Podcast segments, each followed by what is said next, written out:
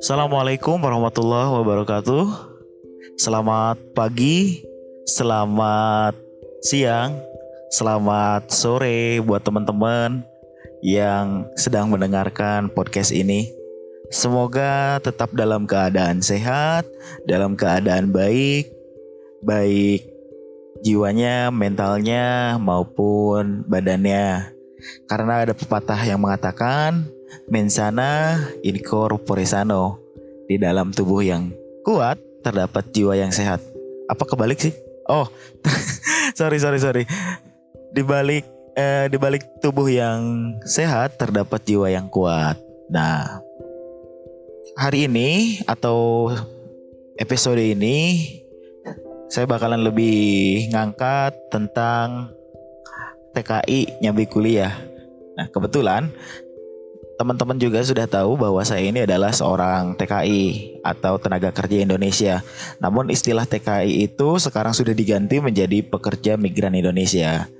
Saya berdomisili di Riyadh, Arab Saudi. Kebetulan saat ini eh, negara atau kerajaan Arab Saudi sudah menerapkan sistem lockdownnya dan alhamdulillah sekarang sudah dibuka namun masih tetap dalam pembatasan-pembatasan uh, physical distancingnya gitu.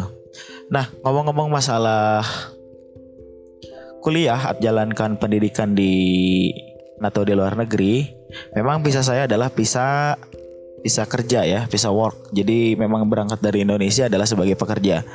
Saya bekerja sebagai tukang kopi atau istilah kerennya adalah barista di salah satu tempat uh, roastery atau tempat sangrai di di Arab Saudi.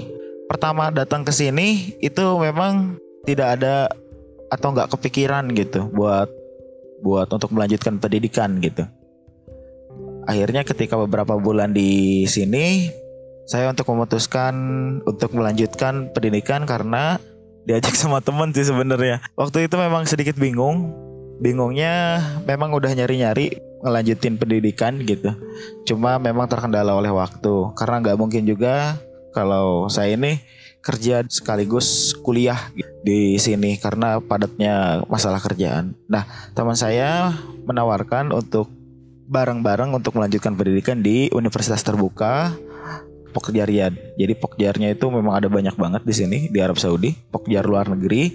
Saya ikut ke Pokjar Riyadh gitu karena saya tinggal di Riyadh. Nah, jurusan yang saya ambil adalah jurusan komunikasi. Gak pernah kepikiran saya mau ngambil jurusan komunikasi karena dulunya saya ini backgroundnya adalah background kesehatan.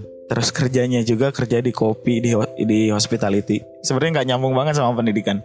Harusnya kerja di rumah sakit, eh ini malah di di coffee shop gitu. Nah, ngomong-ngomong masalah kuliah, pertama memang bingung untuk mengambil jurusan apa pertamanya. Saya mau ngambil apa karena kalau untuk jurusan pendidikan di kampus universitas terbuka itu dikhususkan untuk guru gitu. Kebetulan saya bukan guru, jadi saya cuma pekerja swasta biasa. Akhirnya waktu itu banyak banget ada ekonomi, manajemen dan lain-lain. Kenapa saya ngambil fakultas sosial, hukum dan ilmu politik di PISIP? intinya sih nggak mau ngitung pertamanya karena saya ngerasa bahwa saya ini lemah dalam masalah hitung-hitungan gitu matematika saya lemah gitu. Akhirnya saya memutuskan untuk mengambil komunikasi. Yang anggapan saya adalah komunikasi ini nggak ada hitung-hitungan. Ternyata salah besar. Kenapa salah besar?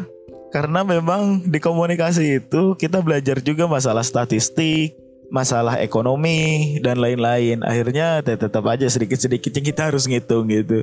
Sebelumnya saya mau ngambil ekonomi atau akuntansi karena memang ngelihatnya wah gimana ya? Karena hitung-hitungan akhirnya saya memutuskan untuk mengambil komunikasi bareng dengan teman saya juga gitu. Nama teman saya Rian ya sama. Pekerjaannya juga background background pekerjaannya juga profesinya sama.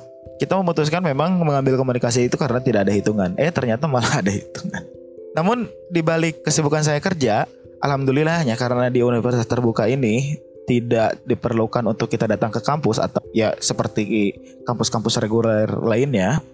Alhamdulillahnya di UT ini saya jadi kelasnya online gitu. Jadi dapat dikerjakan uh, kapan pun juga. Akhirnya Saya membuat uh, jadwal atau schedule setelah kerja saya buka untuk ikut pembelajaran gitu. Bisa biasa disebut dengan tuton atau tutorial online. Ada banyak manfaat banget memang di di segi menempuh jalur kuliah di luar negeri ini. Alhamdulillahnya pertama banyak teman, terus banyak pengetahuan juga, knowledge-nya lebih nambah. Terus ya ada waktu gitu maksudnya wak waktu yang senggang gitu kita bisa dipakai untuk lebih lebih lebih produktif lagi atau lebih bermanfaat lagi daripada nongkrong-nongkrong gak jelas. Alhamdulillahnya di situ. Jadi sebenarnya kalau masalah kalau menurut saya investasi pendidikan itu adalah investasi yang paling penting. Kenapa disebut penting?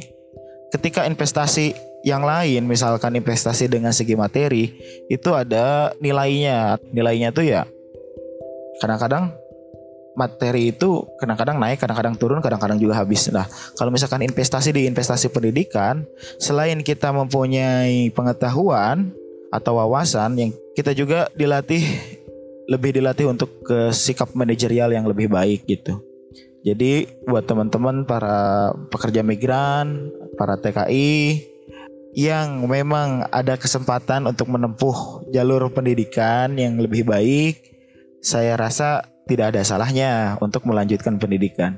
Biayanya memang tidak terlalu mahal, cukup murah ya. Nanti sila, saya akan sertakan linknya di di kolom deskripsi karena memang tidak ada salahnya juga kan kita iseng-iseng gitu.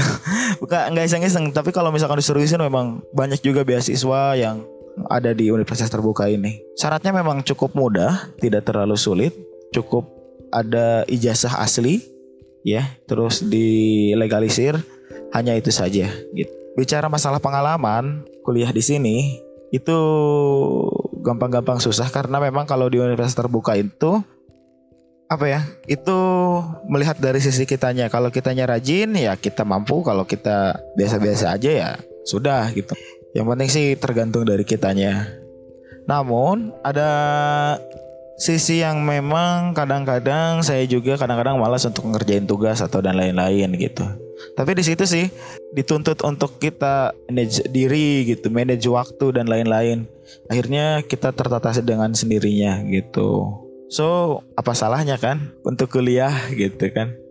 Nah, untuk di Arab Saudi ini memang tidak terlalu banyak para PMI yang yang meneruskan pendidikannya ya bisa dihitung tidak terlalu ratusan puluhan lah berbeda dengan para ekspatriat atau PMI yang ada di Hong Kong, Korea Selatan atau Taiwan ya itu mereka itu banyak banget. Jadi para TKW atau TKI yang kerja di sana banyak banget yang meneruskan pendidikan di universitas, terbuka setelah pulang selain membawa dari sisi materi mereka itu membawa pengetahuan gitu yang lebih gitu. Jadi untuk merubah nasib bukannya sebagai TKI gitu, tapi di sisi ada kita punya waktu luang gitu. Kemudian biayanya tidak terlalu mahal. Karena bagi saya kalau misalkan saya kuliah di Indonesia, pertama itu menyita waktu, kedua itu biayanya memang sedikit mahal kalau menurut saya kalau di Indonesia. Nah, kalau di sini dengan penghasilan dan biaya yang dikeluarkan untuk pendidikan itu menurut saya tidak terlalu mahal gitu. Apalagi ini untuk masa depan kita.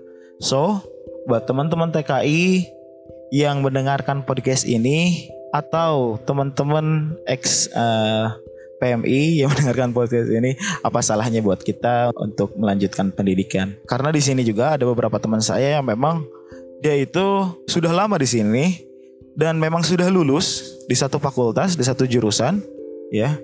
Untuk S1-nya, dia mengambil S1 yang lainnya juga gitu karena kata dia ya daripada waktunya dibuang nggak jelas akhirnya dia memutuskan untuk kuliah lagi. Mungkin ada sekitar tiga gelar gitu. Memang pendidikan itu bukan hanya untuk mengejar gelar kan tapi untuk knowledge-nya. Dari dari sisi dari sisi itunya wah bagi saya itu keren lah gitu. Saya satu aja ini belum beres-beres gitu kan. Segitu aja uh, podcast kali ini saya harap uh, podcast ini mampu bermanfaat bagi teman-teman Terus tetap selalu tetap sehat. Terima kasih sudah mendengarkan podcast ini. Sampai jumpa di podcast selanjutnya. Terima kasih. Stay safe. Wassalamualaikum warahmatullahi wabarakatuh.